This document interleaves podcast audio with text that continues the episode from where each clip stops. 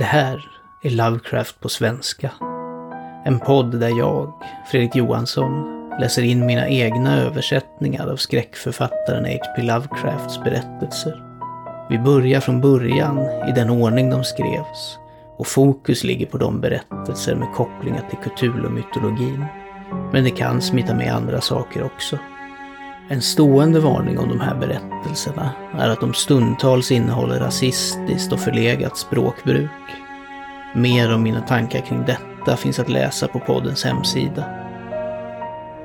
Dagens avsnitt är den andra och avslutande delen av Färgen bortom tid och rum från 1927. Jag har hört sägas att detta var den av Lovecrafts egna berättelser som han själv tyckte bäst om.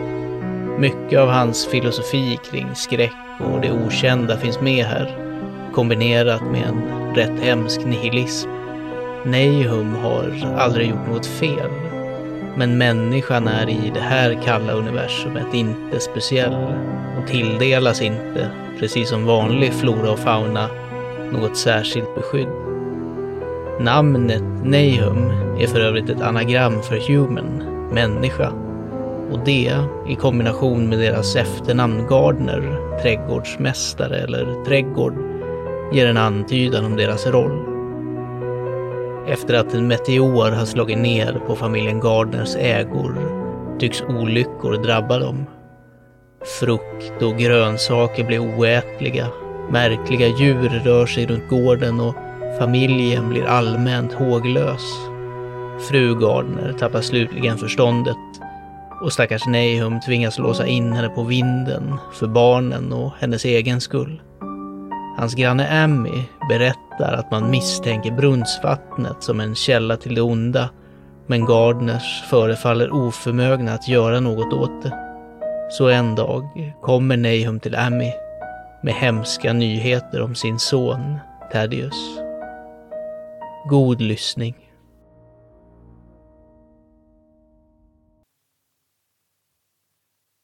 Färgen bortom tid och rum Del 2 Thaddeus blev galen i september efter ett besök till brunnen. Han hade gått med en spann och hade kommit tillbaka tomhänt, skrikande och viftande med armarna och ibland fallit in i ett vansinnigt fnittrande eller ett viskande om färgerna som rör sig där nere. Två i en familj var ganska illa men Nahum var tapper inför det. Han lät pojken springa omkring i en vecka tills han började snubbla och skada sig själv. Och då låste han in honom i ett vindsrum på andra sidan hallen från hans mors. Sättet som de skrek åt varandra bakom sina låsta dörrar var mycket hemskt. Speciellt för lille Mervyn, som trodde att de pratade på något hemskt språk som inte var av jorden. Mervyn började bli fruktansvärt fantasifull och hans rastlöshet blev värre efter inspärrandet av hans bror, som varit hans främsta lekkamrat. Nästan vid samma tid började dödligheten bland boskapen. Hönorna blev gråaktiga och dog mycket snabbt. Deras kött visade sig vara torrt och vämjeligt när det skars upp. Grisarna blev oerhört feta och började sedan plötsligt genomgå avskyvärda förändringar och började sedan plötsligt genomgå avskyvärda förändringar som ingen kunde förklara. Deras kött var såklart värdelöst och Nahum visste inte längre råd. Ingen landsbygdsveterinär ville närma sig hans gård och stadsveterinären från Arkham var öppet förbryllad. Svinen började bli gråa och spröda och falla i bitar innan de dog. Och deras ögon och trynen utvecklade egendomliga förändringar. Det var mycket oförklarligt, för de hade aldrig matats med den förorenade växtligheten. Då blev korna drabbade av någonting. Vissa områden eller ibland hela kroppen kunde vara kusligt skrumpen eller hoptryckt och avskyvärda kollapser eller upplösningar var vanliga. i de sista stadierna och döden var alltid resultatet kom det ett grånande och en sprödhet lik det som ansatte grisarna. Det kunde inte vara fråga om gift, för alla fallen inträffade i en låst och ostörd lada. Inga bett av kringstrykande saker kunde ha fört med sig viruset, för vilken levande bäst på jorden kan passera genom solida hinder. Det måste vara bara en naturlig sjukdom. Men vilken sjukdom kunde orsaka sådana resultat bortom något förstånds gissningar? När skördetiden kom fanns det inte ett överlevande djur på platsen. För boskapen och hönsen var döda och hundarna hade rymt. Dessa hundar, tre till antalet, hade alla försvunnit en natt och syntes aldrig till igen. De fem katterna hade gett sig av en tid innan, men deras försvinnande märktes knappt eftersom det nu inte verkade finnas några möss. Och endast Mrs Gardner hade behandlat de graciösa katterna som sällskapsdjur. Den 19 oktober stapplade Nahum in i Amis hus med hemska nyheter. Döden hade kommit till stackars Thaddeus på hans vindsrum och det hade kommit på ett sätt som inte gick att berätta. Nahum hade grävt en grav i den stängslade familjegraven bakom gården och hade där i lagt vad han hade hittat. Det kunde inte ha varit något från utsidan, för det lilla gallerförsedda fönstret och den låsta dörren var intakt. Men det var mycket som det hade varit i ladan. Ammy och hans fru tröstade den bedrövade mannen så gott de kunde, men ryste när de gjorde det. Ren skräck tycktes klänga sig fast vid Gardners och allt de rörde. Och själva närvaron av en i huset var en fläkt från regioner som inte var namngivna och onämnbara. Amy följde Nahum hem med den starkaste oviljan och gjorde vad han kunde för att lugna lille Mervins hysteriska snyftande. Sennas behövde inte lugnas. Den senaste tiden gjorde han ingenting utom att stirra ut i luften och göra det hans far sa till honom. Och Amy tyckte att hans öde var mycket barmhärtigt. Då och då besvarades Mervins skrik svagt från vinden och som svar på en frågande blick sa Nahum att hans hustru började bli mycket svag. När kvällen närmade sig lyckades Ami ta sig därifrån för inte ens vänskap kunde förmå honom att stanna på den där platsen när växtligheten började glöda svagt och träden kanske, eller kanske inte, svajade utan vind. Det var verkligen tursamt för Ami att han inte var mer fantasifull.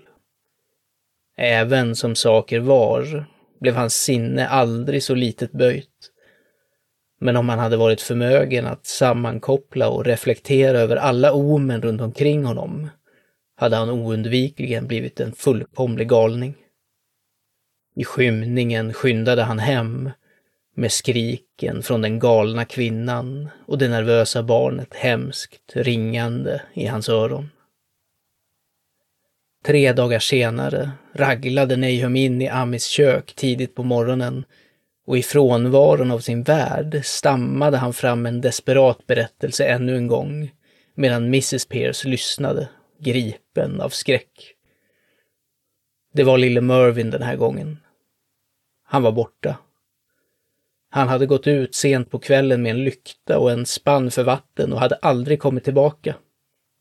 Han hade brutits ner under flera dagar och visste knappt vad han gjorde. Skrek åt allt det hade kommit ett frenetiskt tjut från gården då, men innan fadern hann fram till dörren var pojken borta. Det fanns inget sken från lyktan han hade tagit och av barnet själv inget spår. Vid det tillfället trodde Nahum att lyktan och spannen också var borta, men när gryningen kom och mannen hade kommit lunkande tillbaka från en hel natts sökande av skogarna och fälten hade han hittat några mycket mycket märkliga saker nära brunnen. Där var en krossad och tydligen något smält massa av järn, vilken säkerligen hade varit lyktan. Medan en krokig bygel och vridna järnband bredvid den, båda halvt sammansmälta, tycktes låta ana resterna av spannen. Det var allt. Nahum hade slut på förklaringar. Mrs Pierce var tom och Amy, när han hade kommit hem och hört berättelsen, kunde inte gissa. Mervyn var borta. Och det skulle inte vara någon mening med att berätta det för folk runt omkring som undvek alla Gardners nu. Ingen mening heller att berätta för stadsborna i Arkham som skrattade åt allt. Tad var borta och nu var Mervyn borta. Någonting smög och smög och väntade på att bli sett och känt och hört. Nahum skulle gå snart och han ville att Amy skulle ta hand om hans fru och Sennas om de överlevde honom. Det måste vara ett straff av något slag. Fast han kunde inte föreställa sig för vad, eftersom han alltid hade gått rakryggad längs Herrens vägar, så långt han visste. I över två veckor såg Amy ingenting av Nahum. Och då, orolig över vad som kunde ha hänt, övervann han sina rädslor och besökte Gardnerplatsen. Det kom inte rök från den stora skorstenen och för ett ögonblick var besökaren orolig för det värsta. Hela gårdens uppsyn var chockerande. Gråaktigt vissnande gräs och löv på marken. Rankor som föll i spröda spillror från de gamla väggarna och gavlarna och stora kala träd som klöste upp mot den gråa novemberhimlen med en utstuderad illvilja som Amy inte kunde annat än känna hade kommit från någon subtil förändring i grenarnas lutning. Men Nahum var vid liv, trots allt. Han var svag och låg på soffan i köket med lågt tak, men var helt vid medvetande och kunde ge enkla order till Sennes. Rummet var iskallt. Och när Emmy synbart skakade ropade värden hest till Sennas efter mer ved. Ved behövdes verkligen, eftersom den stora eldstaden var släckt och tom, med ett moln av sot som blåste omkring i den kyliga vinden som kom ner genom skorstenen. Snart frågade Neum honom om den extra veden hade gjort honom mer bekväm och då insåg Amy vad som hade hänt. Det starkaste repet hade till slut brustit och den olyckliga bondens sinne var oemottaglig för mer sorg. Amy frågade försynt, men kunde inte få några tydliga svar alls om den försvunne Sennas. I brunnen. Han bor nere i brunnen var allt den fördunklade fadern kunde säga. Då blixtrade förbi en plötslig tanke i besökarens sinne om den galna hustrun och han ändrade sin frågeställning. Nabby? Ja men, här är hon, var det förvånade svaret från stackars Nahum och Amy insåg snart att han måste söka på egen hand. Han lämnade den harmlösa babblaren på soffan tog nycklarna från spiken bredvid dörren och gick upp för den knarrande trappan till vinden. Det var mycket instängt och kvalmigt där uppe och inget ljud kunde höras från någon riktning. Av de fyra dörrarna i sikte var endast en låst och på denna provade han olika nycklar från nyckelringen han hade tagit. Den tredje nyckeln visade sig vara den rätta och efter lite fumlande slog Amy upp den låga, vita dörren. Det var ganska mörkt där inne, för fönstret var litet och halvt skymt av grova träreglar. Och Amy kunde inte se någonting alls på det vidbrädade golvet. Stanken var bortom uthärdlig och innan han fortsatte längre in var han tvungen att dra sig tillbaka till ett annat rum och återvända med sina lungor fyllda av andningsbar luft. När han gick in såg han någonting mörkt i hörnet. Och när han såg det tydligare skrek han rakt ut. Medan han skrek tyckte han att ett moln tillfälligt förmörkade fönstret och en sekund senare kändes det som om han snuddades av någon hatisk ånga. Konstiga färger dansade framför hans ögon och om inte en närvarande fasa bedövat honom skulle han ha tänkt på globen i meteoren som stenhammaren hade krossat och på den morbida vegetationen som hade grott på våren. Som det var tänkte han bara på den blasfemiska monstrositet vilken konfronterade honom och vilken allt för tydligt hade delat samma namnlösa öde som unge Thaddeus och boskapen. Men den hemska saken med denna fasa var att den mycket långsamt och märkbart rörde sig samtidigt som den fortsatte att falla sönder. Amy ville inte ge mig några ytterligare detaljer för denna scen, men formen i hörnet återkommer inte i hans berättelse som ett rörligt föremål. Det finns saker som inte kan nämnas och det som görs av ren mänsklighet döms ibland hårt av lagen. Jag förstår det som att ingen rörlig sak lämnades i det vindsrummet. Och att lämna någonting kapabelt i rörelse där skulle ha varit en gärning så monstruös att den förbannat vilken ansvarig varelse som helst med evig plåga. Vem som helst förutom en lugn bonde skulle ha svimmat eller blivit galen. Men Amy gick medvetet genom den låga dörröppningen och låste in den förbannade hemligheten bakom sig. Nahum behövde hanteras nu. Han måste matas och vårdas och flyttas till en plats där han kunde omhändertas. Då han började gå ner för den mörka trappan hörde Amy en duns under sig. Han tyckte till och med att ett skrik plötsligt hade kvävts och mindes nervöst den fuktiga ångan som hade snuddat honom i det hemska rummet ovanför. Vilken närvaro hade hans rop och inträde väckt? Hejdad av någon vag skräck hörde han ytterligare ljud nedanför. Otvivelaktigt var det ett slags tungt släpande och ett högst avskyvärt klibbigt ljud, som av någon djävulsk och oren sugande art. Med en associerad känsla sporrad till febriga höjder tänkte han oförklarligt på vad han hade sett på övervåningen. Gode Gud, vilken underjordisk drömvärld var detta in i vilken han hade stapplat? Han vågade inte gå varken bakåt eller framåt, utan stod där darrande vid den svarta kröken i den inbyggda trappan. Varje liten detalj i scenen brände sig in i hans hjärna. Ljuden, känslan av förväntad fasa, mörkret, branten i de smala trappstegen och barmhärtiga himmel. Det svaga men omisskännliga lysandet hos allt träverk i sikte. Trappstegen, sidorna, exponerade ribbor och balkar likaså. Då bröt det fram ett frenetiskt gnäggande från Amys häst utanför, omedelbart följt av ett skrammel vilket skvallrade om en vansinnig flykt.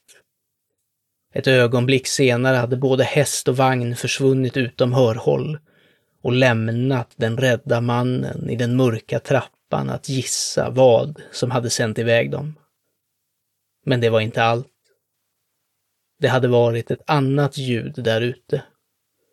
Ett slags plaskande av en vätska. Vatten. Det måste ha varit brunnen.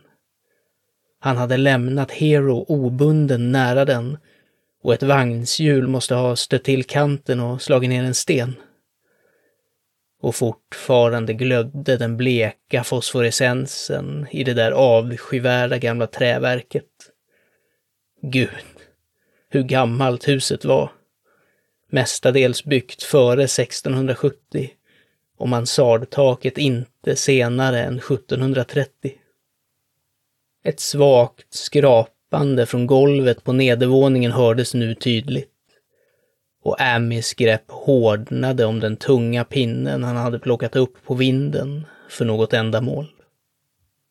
Sakta samlade han mod, fortsatte sin nedstigning och gick järvt mot köket. Men han fullföljde inte den vandringen eftersom det han sökte inte längre var där. Den hade kommit för att möta honom och den var fortfarande levande på ett visst sätt. Om den hade krupit eller om den hade dragits av någon yttre kraft kunde inte Amy säga. Men döden hade varit över den. Allting hade hänt den senaste halvtimmen, men kollapsen, grånandet och upplösningen var redan långt framskridna. Det fanns en fruktansvärd sprödhet och torra fragment fjällade av. Ammy kunde inte röra den, utan såg förskräckt in i den förvrängda parodi som hade varit ett ansikte. Vad var det, Nahum? Vad var det? viskade han, och de kluvna, buktande läpparna var precis förmögna att knastra fram ett sista svar. Inge, Inge, färgen, den bränner. Kall och våt, men den bränner. Den bodde i brunnen. Jag har sett den. En slags rök. Precis som blommorna förra våren. Brunnen lyste på natten. Tad och Murney och Senas. Allting levande sög livet ur allting. I den stenen. Den måste ha kommit i den stenen. Förgiftade hela platsen. Vet inte vad den vill. Den runda saken de där männen från universitetet grävde ut från stenen. De slog sönder den. Det var samma färg. Precis samma som blommorna och växterna. Måste ha varit flera av dem. Frön, frön, de växte. Jag såg den första gången den här veckan. Den måste ha blivit stark på Sennas. Han var en stor pojke full av liv. Den slår ner ens sinne och tar en sen. Bränner upp en i brunnsvattnet. Du hade rätt om det. Ont vatten. Sennas kom aldrig tillbaka från brunnen. Kan inte komma undan. Drar den. Man vet att något kommer, men det är ingen mening. Jag har sett den gång på gång sen Sennas togs. Var det Nabbi här med? Mitt huvud är inget bra. Jag vet inte hur länge sedan jag matade henne. Den tar henne om vi inte är försiktiga. Bara en färg. Hennes ansikte börjar visa den färgen ibland framåt natten. Och den bränner och suger. Den kommer från någon plats där saker inte är som de är här. En av de där professorerna sa så. Han hade rätt. Se upp, Amy. Den gör något mer. Suger livet ur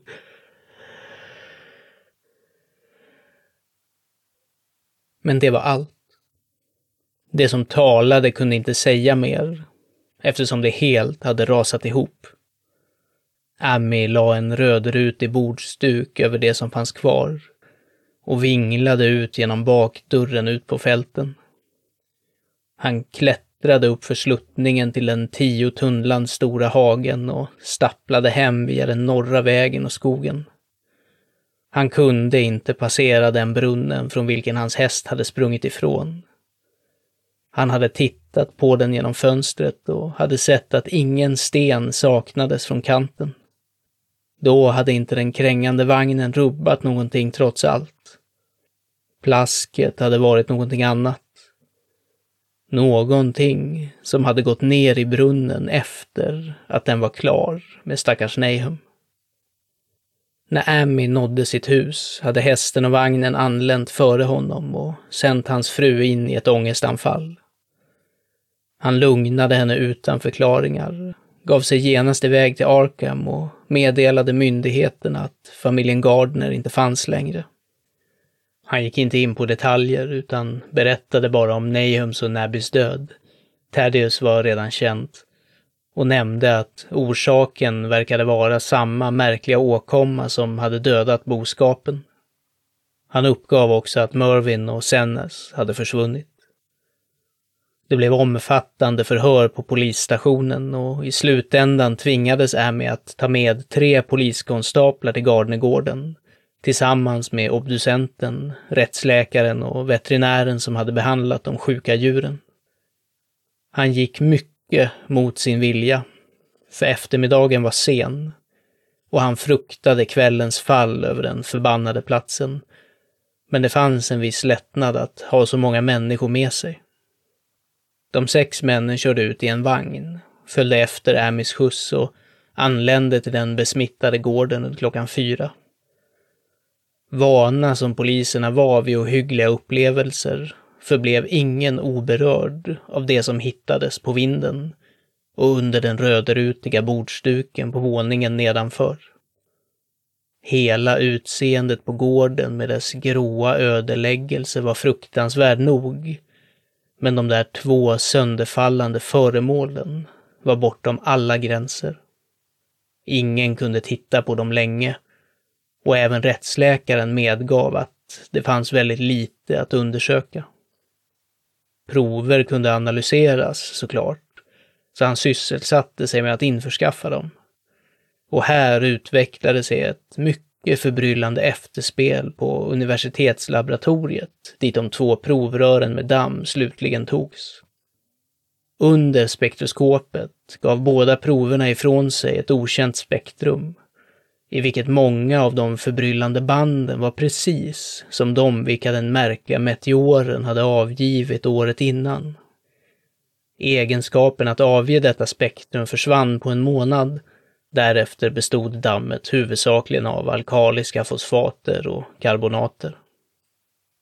Amy skulle inte ha berättat för männen om brunnen om han hade trott att de hade för avsikt att göra något där och då. Det började närma sig solnedgång och han var angelägen om att komma därifrån. Men han kunde inte hjälpa att snegla nervöst mot den steniga kanten vid den stora brunnsvängen. Och när en av konstaplarna frågade honom medgav han att Nahum hade fruktat något där nere. Så mycket att han aldrig ens hade tänkt på att söka igenom den efter Mervyn eller Sennes. Efter det kunde inget annat göras än att tömma och genomsöka brunnen omedelbart. Så Amy fick vänta darrande medan spann efter spann av illaluktande vatten drogs upp och hälldes ut på den blöta marken utanför. Männen fnyste i avsky mot vätskan och mot slutet höll de för näsan mot dörren som de avtäckte. Det var inte ett så långt arbete som de befarat att det skulle vara, eftersom vattnet var fenomenalt lågt. Det finns ingen anledning att tala för exakt om vad de hittade. Mervyn och Sennes var båda där. Delvis. Även om kvarlevorna huvudsakligen var skelett. Där fanns också ett litet rådjur och en stor hund i ungefär samma skick och ett antal ben av mindre djur. Slammet och slemmet på botten verkade oförklarligt poröst och bubblande. Och mannen som klättrade ner på handtagen med en lång stång fann att han kunde sänka ner träskaftet till vilket djup som helst i leran på golvet utan att möta något solitt hinder. Skymningen hade nu fallit och lyktor tagits fram från huset. Sedan, när man insåg att inget mer kunde utvinnas från brunnen, gick alla inomhus och konfererade i det uråldriga vardagsrummet medan det oregelbundna ljuset från en spektral halvmåne spelade matt över den gråa ödeläggelsen utanför. Männen var uppriktigt sagt svarslösa inför hela fallet och kunde inte finna någon övertygande gemensam faktor för att länka samman de märkliga vegetativa förhållandena, den okända sjukdomen hos boskap och människor och de oförklarliga dödsfallen av Mervin och Sennas i den förorenade brunnen. De hade hört det lantliga skvallret, det var sant, men kunde inte tro att någonting som stred mot naturlagarna hade ägt rum. Utan tvekan hade meteoren förgiftat jorden, men sjukdomen hos personerna och djuren som inte hade ätit någonting som växt i den jorden var en annan sak. Var det brunnsvattnet? Mycket möjligt. Det kunde vara en god idé att analysera den. Men vilken märklig galenskap kunde ha förmått båda pojkarna att hoppa ner i brunnen? Deras handlingar var så lika. Och fragmenten visade att de båda hade lidit av den gråa, spröda döden. Varför var allting så grått och sprött? Det var obducenten, som satt nära ett fönster med utsikt över gården, som först la märke till glöden kring brunnen. Kvällen hade helt trätt in och hela den avskyvärda marken tycktes svagt lysande av mer än de rysliga månstrålarna. Men detta nya sken var något definitivt och distinkt och tycktes skjuta upp ur det svarta hålet, likt en uppmjukad stråle från en strålkastare och gav matta reflektioner i de små markpölarna där vattnet hade tömts. Det hade en mycket udda färg och när alla män trängde sig runt fönstret ryckte Amy till våldsamt. För denna märkliga stråle av spöklik miasma var för honom inte av en obekant nyans. Han hade sett den färgen förut och fruktade vad det kunde betyda. Han hade sett den i den otäcka, spröda globen i den där aeroliten för två somrar sedan. Och han tyckte sig ha sett den för ett ögonblick just den morgonen mot det lilla reglade fönstret i det fruktansvärda vindsrummet där namnlösa saker hade skett. Det hade blinkat till där en sekund och en fuktig och hatisk ström av ånga hade strukit förbi honom. Och sedan hade stackars Nahum tagits av någonting i den färgen. Han hade sagt så vid slutet. Sagt att det var Globen och växterna. Efter det hade flykten från gården och plaskandet i brunnen kommit. Och nu stötte den brunnen fram, ut i natten, en blek lömsk stråle av samma demoniska ton. Det hedrar Amys sinne att han begrundade, även i det spända ögonblicket, en fråga som i huvudsak var vetenskaplig. Han kunde inte annat än förundras över att han fick samma intryck från en ånga som skymtades på dagtid mot ett fönster öppet mot morgonhimlen och från en nattlig utandning som sågs som en fosforiserande dimma mot det svarta och förbannade landskapet. Det var inte rätt. Det var mot naturen. Och han tänkte på de fruktansvärda sista orden från sin drabbade vän. Den kommer från någon plats där saker inte är som de är här. En av de där professorerna sa så. Alla tre hästarna utanför, bundna vid ett par skrumpna träd vid vägen, gnäggade och trampade nu frenetiskt. Vagnsföraren sprang mot dörren för att göra något, men Amy la en skakig hand på hans axel. Gå inte ut dit, viskade han. Det finns mer här än vad vi vet. Nehum sa att något bodde i brunnen som suger ut ditt liv. Han sa att det måste vara något som växte från en rund boll, som den vi alla såg i meteorstenen som föll för ett år sedan i juni. Suger och bränner, sa han. Och är precis som ett moln av färger som det där ljuset där ute nu. Som man knappt kan se eller säga vad det är. Nejum trodde att den livnär sig på allt levande och blir starkare hela tiden. Han sa att han hade sett den förra veckan. Det måste vara något från långt borta i himlen, som männen från universitetet sa förra året att meteorstenen var. Sättet som den är skapad och sättet som den fungerar är inte något sätt i Guds värld. Det är något från bortom. Så männen stannade upp obeslutsamt när ljuset från brunnen växte sig starkare och de hopkopplade hästarna stampade och gnällde med ökad frenesi. Det var verkligen ett hemskt ögonblick. Med skräck i det gamla och förbannade huset självt. Fyra monströsa uppsättningar med kvarlevor, två från huset och två från brunnen, i vedboden på baksidan. Och det där schaktet med okänt och oheligt färgskimmer från de slämmiga djupen på framsidan. Amy hade hållit fast föraren impulsivt, glömt hur oskadd han själv var efter den klibbiga snudden från den där färgade ångan på vindsrummet. Men kanske var det lika bra att han agerade som han gjorde.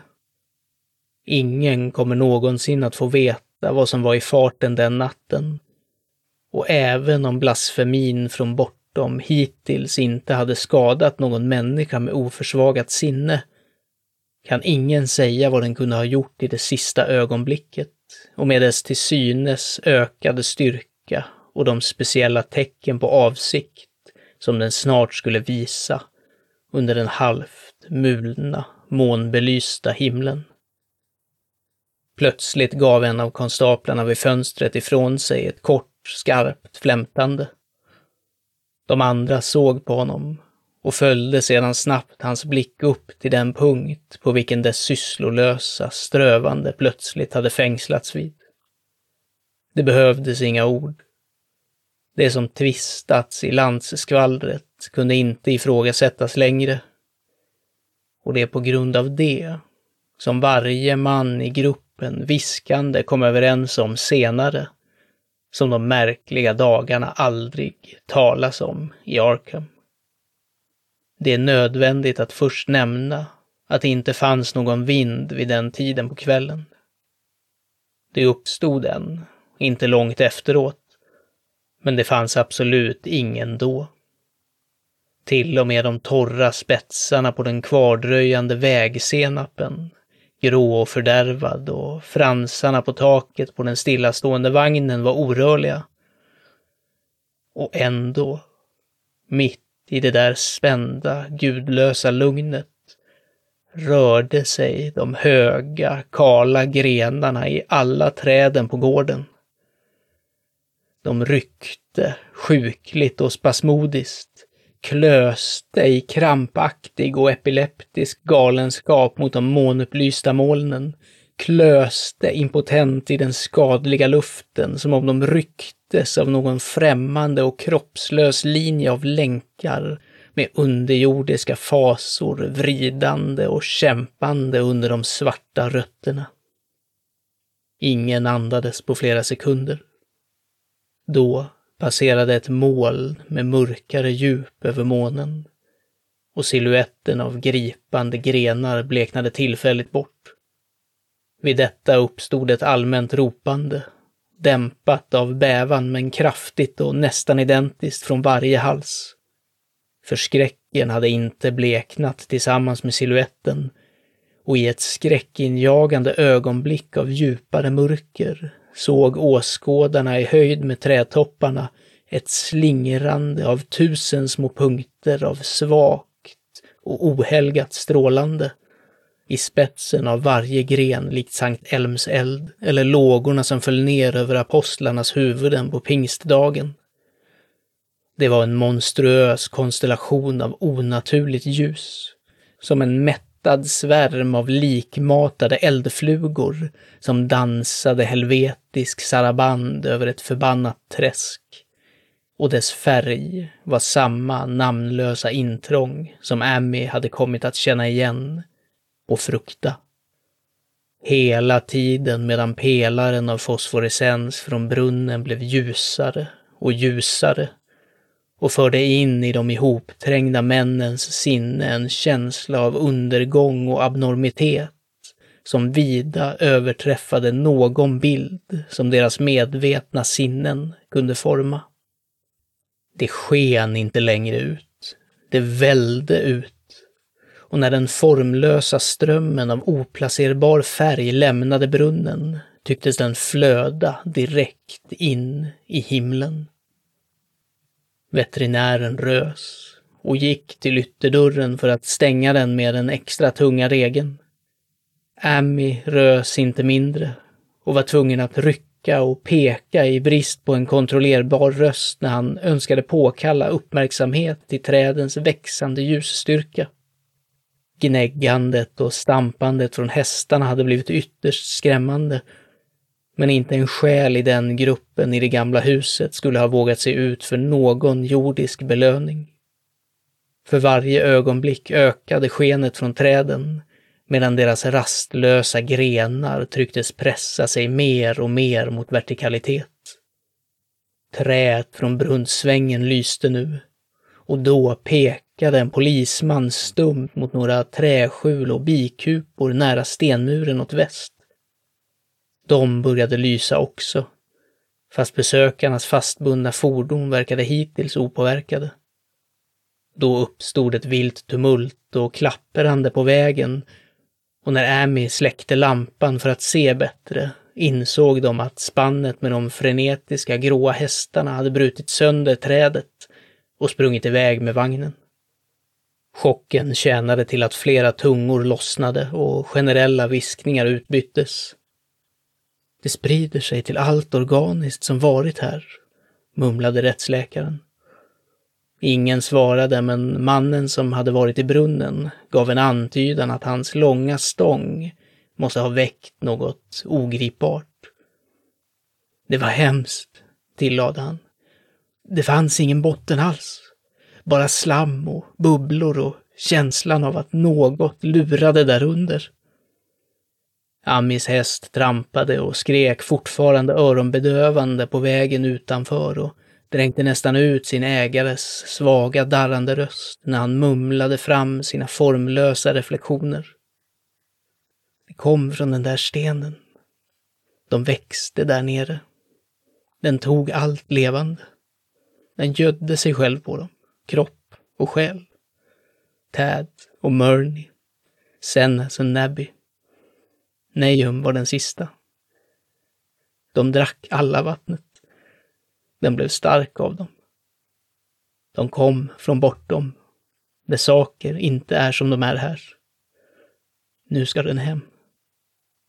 Vid den här tidpunkten, när kolumnen av okänd färg blossade upp starkare och började väva sig själv till fantastiska antydande former som varje åskådare senare beskrev olika, kom det från stackars tjudrade Hero ett sådant ljud som ingen människa förr eller sedan någonsin hört från en häst. Varje person i det låga vardagsrummet höll för sina öron och Amy vände sig bort från fönstret i fasa och illamående. Ord kunde inte förmedla det. När Amy tittade ut igen låg det olyckliga djuret orörligt hopkrupen på den månbelysta marken mellan de splittrade vagnsaxlarna. Det var det sista som sågs av Hero, tills de begravde honom nästa dag. Men nu var ingen tid för att sörja, för nästan i samma ögonblick uppmärksammade en konstapel tyst någonting fruktansvärt i själva rummet med dem. I avsaknad av lampljus var det tydligt att en svag fosforescens hade börjat genomsyra hela våningen. Det glödde på de breda golvplankorna och trasmattans fragment och skimrade över karmen på de smårutade fönstren. Det löpte upp och ner längs de blottade hörnstolparna, glittrade runt hyllan och spiselkransen och infekterade själva dörrarna och möblerna. Varje minut sågs det stärkas och slutligen blev det mycket klart att friska, levande varelser måste lämna det huset. Amy visade dem bakdörren och stigen upp genom fälten till den tio hektar stora hagen. De gick och snubblade som i en dröm och vågade inte se tillbaka förrän de var långt borta på den högre marken. De var glada för stigen, för de kunde inte ha gått ut på framsidan, förbi brunnen. Det var illa nog att passera den glödande ladan och skjulen och de där lysande fruktträden med sina knotiga djävulska konturer. Men gudskelov utförde grenarna sina värsta vridningar högt upp. Månen gick under några mycket svarta moln när de korsade den rustika bron över Chapmans Brook och de fick blint treva sig fram därifrån till de öppna ängarna. När de tittade tillbaka mot dalen och den avlägsna Gardnerplatsen längst ner såg de en skräckinjagande syn. Hela gården sken med den ohyggliga okända blandningen av färger. Träd, byggnader och även sådant gräs och växtlighet som inte helt hade förändrats till dödlig gråsprödhet.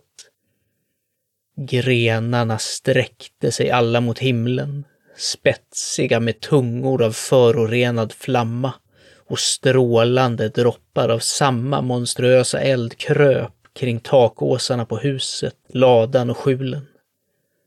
Det var en scen från en vision av Fuseli och över allt annat härskade det där utbrottet av lysande amorfitet, den främmande och odimensionerade regnbågen av kryptiskt gift från brunnen sjudande, kännande, lapande, sträckande, blixtrande, stramande och illvilligt bubblande i dess kosmiska och oigenkännliga kromatik. Då, utan förvarning, sköt den avskyvärda saken vertikalt upp mot himlen likt en raket eller meteor, utan att lämna något spår, och försvann genom ett runt och märkligt regelbundet hål i molnen innan någon man kunde flämta eller ropa till. Ingen åskådare kan någonsin glömma den synen och Ammy stirrade tomt på Cygnus stjärnor, Deneb tindrande över de andra, där den okända färgen hade smält in i Vintergatan. Men hans blick kallades i nästa ögonblick hastigt till jorden av knastrandet i dalen. Det var bara det. Endast ett träigt rivande och knastrande och inte en explosion som så många andra i gruppen svor på. Men resultatet var ändå detsamma. För i ett febrigt kaleidoskopiskt ögonblick barast det fram från den fördömda och förbannade gården en glänsande eruptiv kataklysm av onaturliga gnistor och substans som bländade synen hos de få som såg det och skickade ut i senit en bombarderande regnskur av sådana färger och fantastiska fragment som vårt universum måste förneka. Genom snabbt återförslutande ångor följde de den stora morbiditeten som hade försvunnit och en sekund senare hade de också försvunnit. Bakom och nedanför fanns endast ett mörker till vilket männen inte vågade återvända. Och överallt runt omkring var en tilltagande vind, vilken tycktes svepa ner i svarta, frostiga stötar från den interstellära rymden. Den tjöt och ylade och piskade fälten och de förvrängda skogarna i en galen kosmisk frenesi tills det darrande sällskapet snart insåg att det inte skulle vara någon mening med att vänta på att månen skulle visa vad som var kvar där nere hos Nehums. För bävande för att ens antyda teorier traskade de sju skakande männen tillbaka mot Arkham på den norra vägen. Amy var i värre skick än sina kamrater och bad dem att följa honom in i hans kök istället för att fortsätta direkt till stan. Han ville inte på natten korsa den vindpinade skogen ensam på väg till sitt hem vid huvudvägen. För han hade fått ytterligare en chock som de andra skonats från och var för alltid tyngd av en hotande skräck som han aldrig vågade nämna ens under de många åren som gått medan resten av betraktarna på den där stormiga kullen envist hade riktat sina ansikten mot vägen, hade Amy sett tillbaka ett ögonblick på den skuggiga dalen av ödeläggelse som så nyligen hade härbärgerat hans olyckliga vän.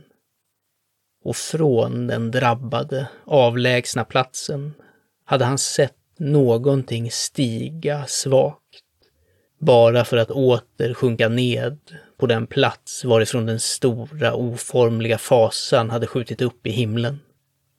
Det var bara en färg. Men ingen färg från vår jord eller himmel. Och eftersom Amy kände igen den färgen och visste att denna sista svaga kvarleva fortfarande måste lura där nere i brunnen har det aldrig riktigt stått rätt till med honom sedan dess. Amy ville aldrig gå nära den platsen igen. Det är nu över ett halvt sekel sedan skräcken ägde rum, men han har aldrig varit där och kommer vara glad när den nya reservoaren utplånar den. Jag kommer vara glad också, för jag tyckte inte om sättet som solljuset ändrade färg runt gapet på den övergivna brunnen jag passerade. Jag hoppas att vattnet alltid kommer vara väldigt djupt. Men även så kommer jag aldrig dricka det.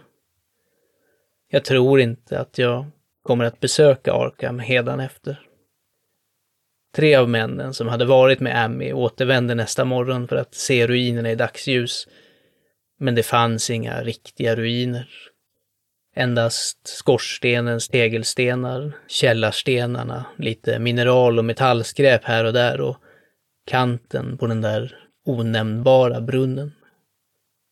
Med undantag för Ammys döda häst, vilken de boxerade bort och begravde och vagnen som de kort inpå återlämnade till honom, hade allt som någonsin varit levande försvunnit.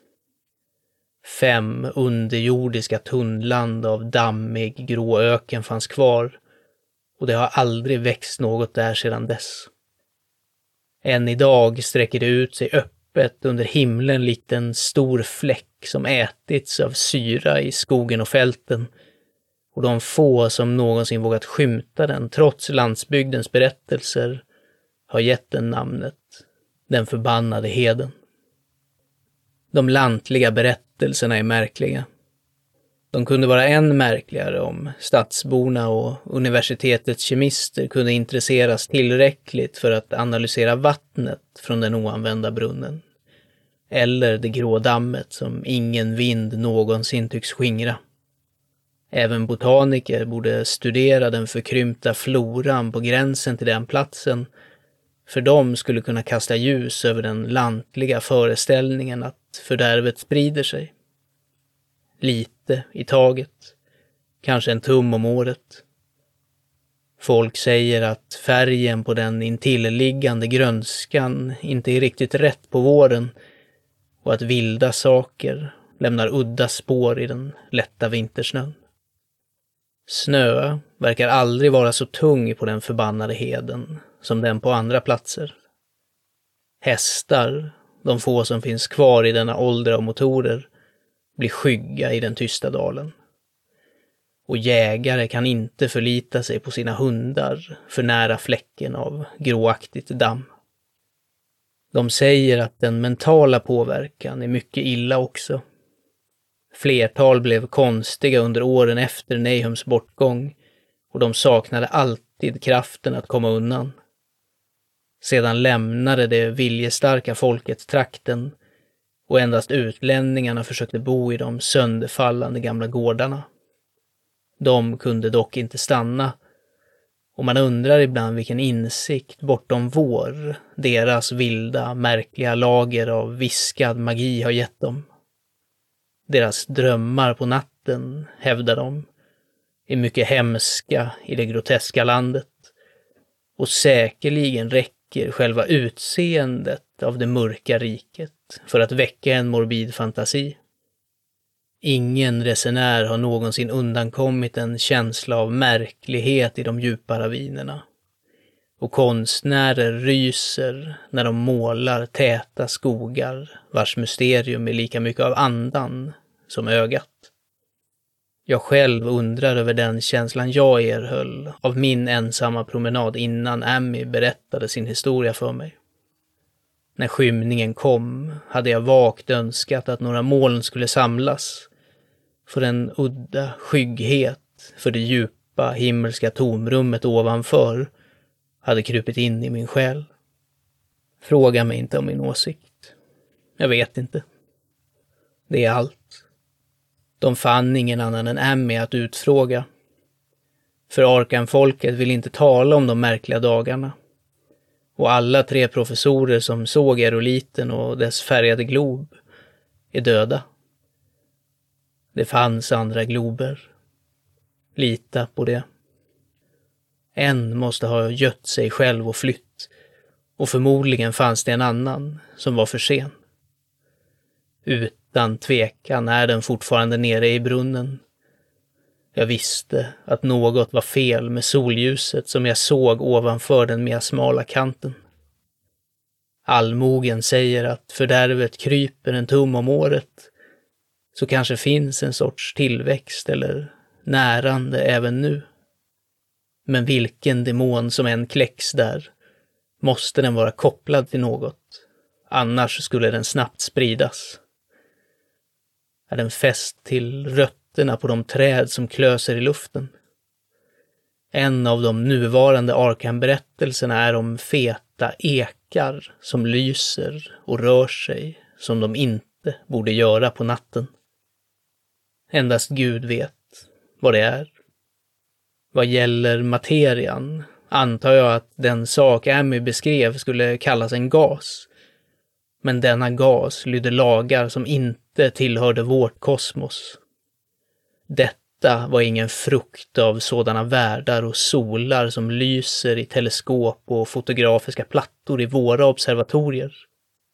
Detta var ingen fläkt från de himlar vars rörelser och dimensioner våra astronomer mäter eller bedömer för vidsträckta för att mätas. Det var bara en färg, bortom tid och rum. En skrämmande budbärare från oformade världar av oändlighet bortom all natur som vi känner. Från vars världar, vars blotta existens bedövar hjärnan och förlamar oss med de svarta, utomkosmiska klyftor som den öppnar upp framför våra frenetiska ögon.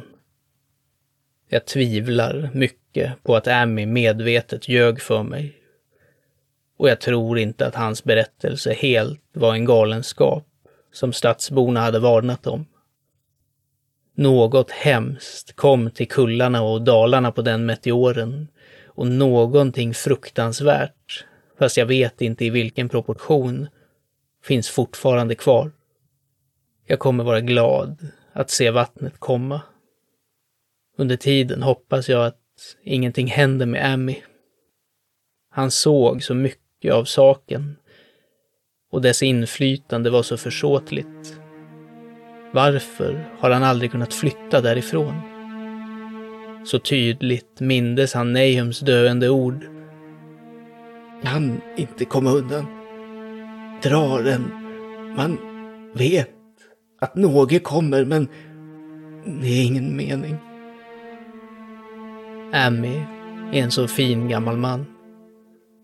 När reservoarsgruppen påbörjar arbetet måste jag skriva till huvudingenjören att hålla ett skarpt öga på honom.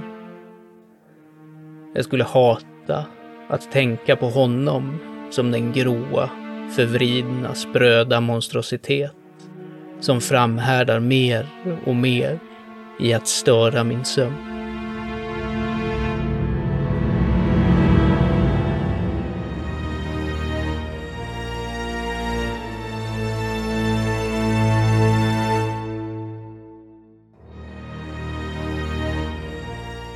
Du har lyssnat på den andra och avslutande delen av Färgen bortom tid och rum. En berättelse av Howard Phillips Lovecraft som skrevs i mars 1927 och som publicerades för första gången i september 1927. i Amazing Tales i det sjätte numret av den andra utgåvan. Den svenska översättningen och inläsningen är gjord av mig, Fredrik Johansson. Tack för att du har lyssnat.